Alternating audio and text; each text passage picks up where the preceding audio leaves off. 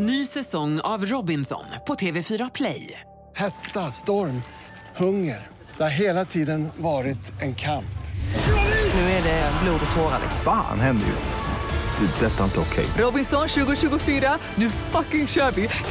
Streama söndag på TV4 Play. Du lyssnar på poddversionen av Senaste nytt från Expressen TV. Ja, det är senaste nytt, det är lördag och jag heter Fredrik Lennander som ska presentera nyheterna för er. Så här ser rubrikerna ut. En man gripen efter att ha viftat med ett gevär utanför queerklubb i Stockholm. Och 12 personer mördades vid massskjutning i Virginia. Vår korrespondent Thomas Kvarnkullen berättar strax mer direkt från USA. Och Kristin Kaspersen tog hem dansprogrammet Let's Dance i TV4. Mm, vi börjar med nattens polisdrama, en insats vid Hornstull i Stockholm där vittnen hade sett en man med ett gevärsliknande föremål i närheten av en krog som är populär för queera stockholmare. Och polisen spärrade av delar av gatan och inga gäster fick lämna lokalen. Men mannen kunde gripas. Ni ser här hur han förs bort av poliser och det var efter en insats där polisens piketstyrka gick in i en lägenhet i området. Mannen är nu misstänkt för vapenbrott och grovt olaga hot mot grupp. Josef Lebad var en av flera gäster som befann sig på uteserveringen till den här krogen under dramat. Uh, jag och några kompisar satt ute på en utsvängning och eh, så såg man någon eh, mitt emot uh, öppnade upp ett fönster och började skrika saker men man kunde inte höra honom riktigt. han började peka fuck you och så.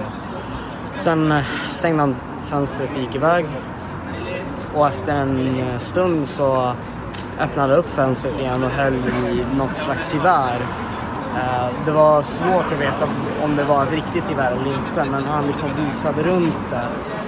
Och så stängde han fönstret och gick iväg igen. Och då var det många av oss som var oroade att han skulle komma tillbaka och börja skjuta honom.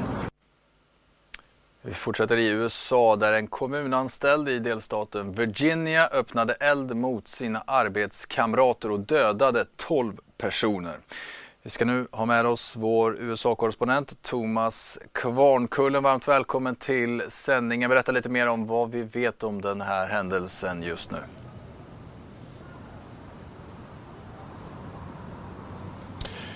Det här inträffade eh, i slutet av arbetsdagen eh, vid fyra tiden på eftermiddagen när den här mannen gick in på sin arbetsplats eh, och öppnade eld mot flera personer som befann sig där. Flera vittnen har beskrivit skräcken som infann sig i byggnaden. Flera människor har berättat att de såg sina kollegor som låg skjutna på Eh, marken eller på golvet och flera som gömde sig i, i olika lokaler. Eh, och på en presskonferens lite tidigare ikväll här lokaltid så eh, beskrev polischefen hur fyra poliser som befann sig i närheten, polisstationen ligger i samma komplex som den här byggnaden, tog sig dit och det blev eldstrid som pågick under en längre tid enligt vad polischefen sa. Eh, Virginia Beach som är en stad eh, med 450 000 invånare ungefär är nu en stad i chock ikväll. Det eh, har man fått höra och se flera människor vittna om i olika tv-sändningar här under kvällen. Det är ju långt ifrån den enda massskjutningen i USA, Thomas. Det blir ständigt diskussioner om vapenlagar. Har det redan dykt upp Eh, sådana diskussioner efter eh, nattens händelser?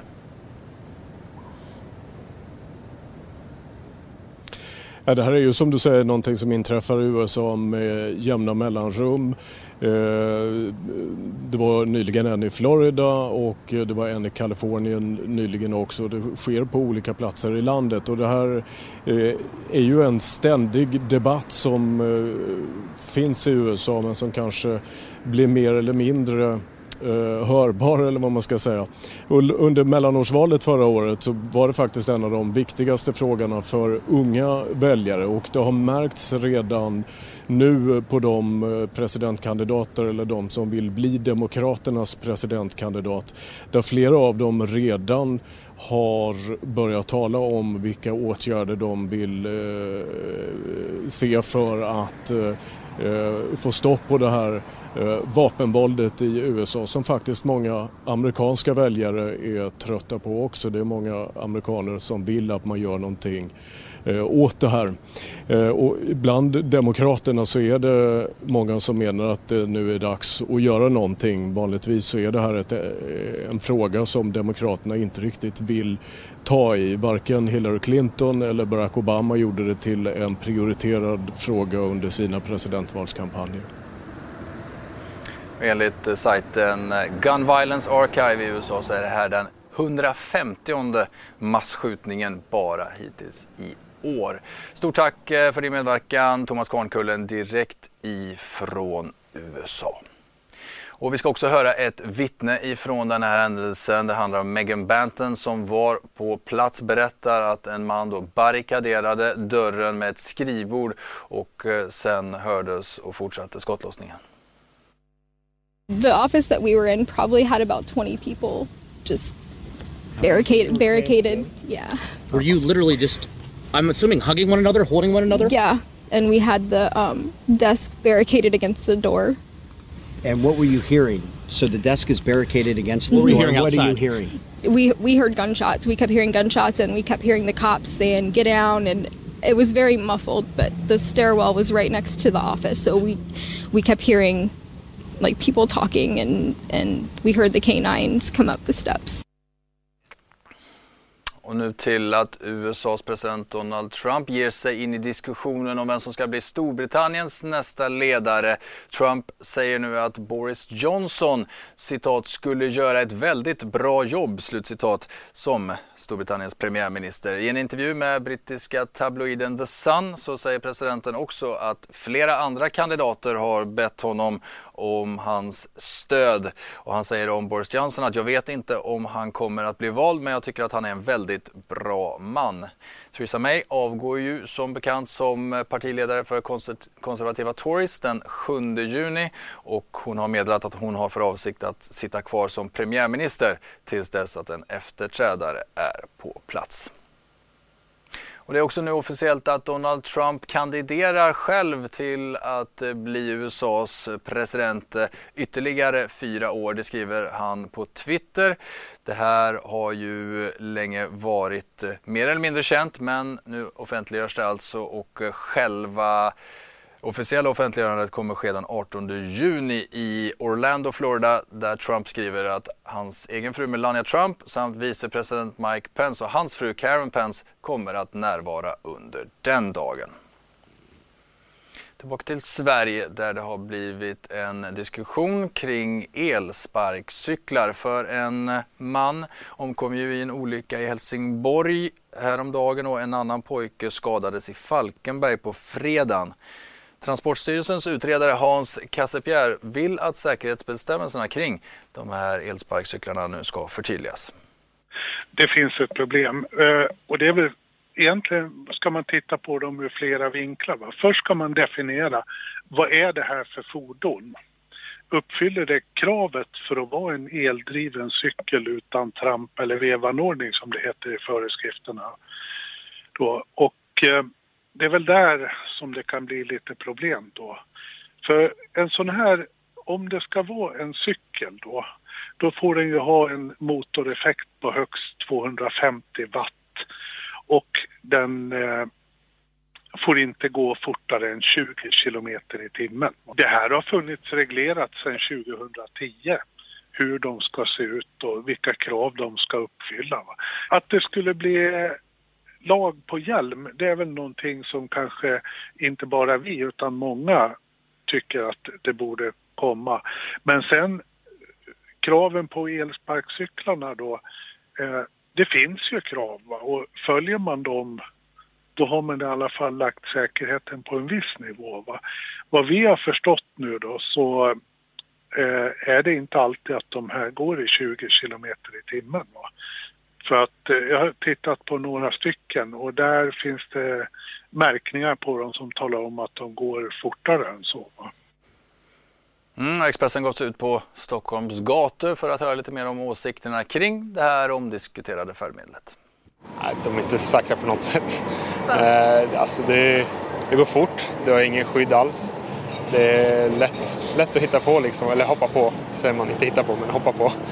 Så att, eh, ja, nej, men det är väl ingen säkerhet alls. Nej, jag tycker de är jättesäkra.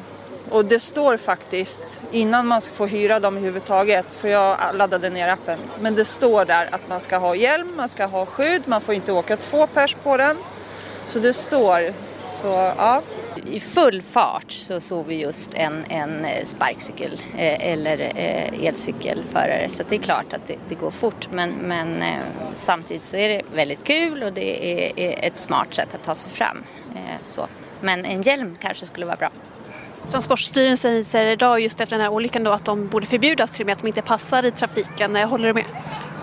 Um, förbjudas vet jag inte men jag, jag håller med om att de inte passar i trafiken just nu för att man inte har löst hur det ska passa in. Men sen så man, kan man ju hitta på en bra lösning men jag har som sagt inte på rak arm någon bra svar för hur det ska fungera. Men det, som det ser ut just nu så håller jag nog med om att det är, det är en för stor trafiksäkerhetsfara eh, i dagsläget. Mm, vi ska också meddela att det blir storfavoriten Kristin Kaspersen som tog hem årets upplaga av dansunderhållningen Let's Dance i TV4. Och dansen till mamman Lillbabs verkar ha gått rakt in i hjärtat på svenska folket under gårdagen. Och så här såg det ut när Kristin Kaspersen fick det här beskedet.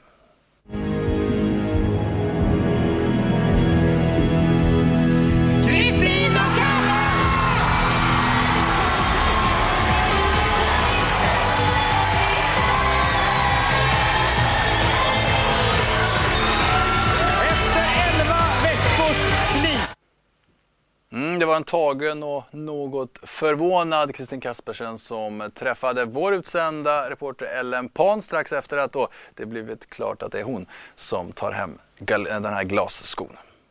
Ja, nej men alltså, det, jag, jag, alltså jag fattar inte riktigt att, det är, att vi står här med den här nu. Det är ju helt galet. Dels att hela resan är slut, men att, att jag skulle stå med den här glasskon, alltså det är klart man hade det som mål, men jag kunde aldrig drömma om det. Nej, men du har ju ändå det har ju varit, ja precis. Man, känner, man får en sån här speciell känsla av att vara nära den här nästan. Eller hur? Den är så mäktig. Den är, det är sjukt mäktigt. Är den tung? Ja, den är jättetung. Ja.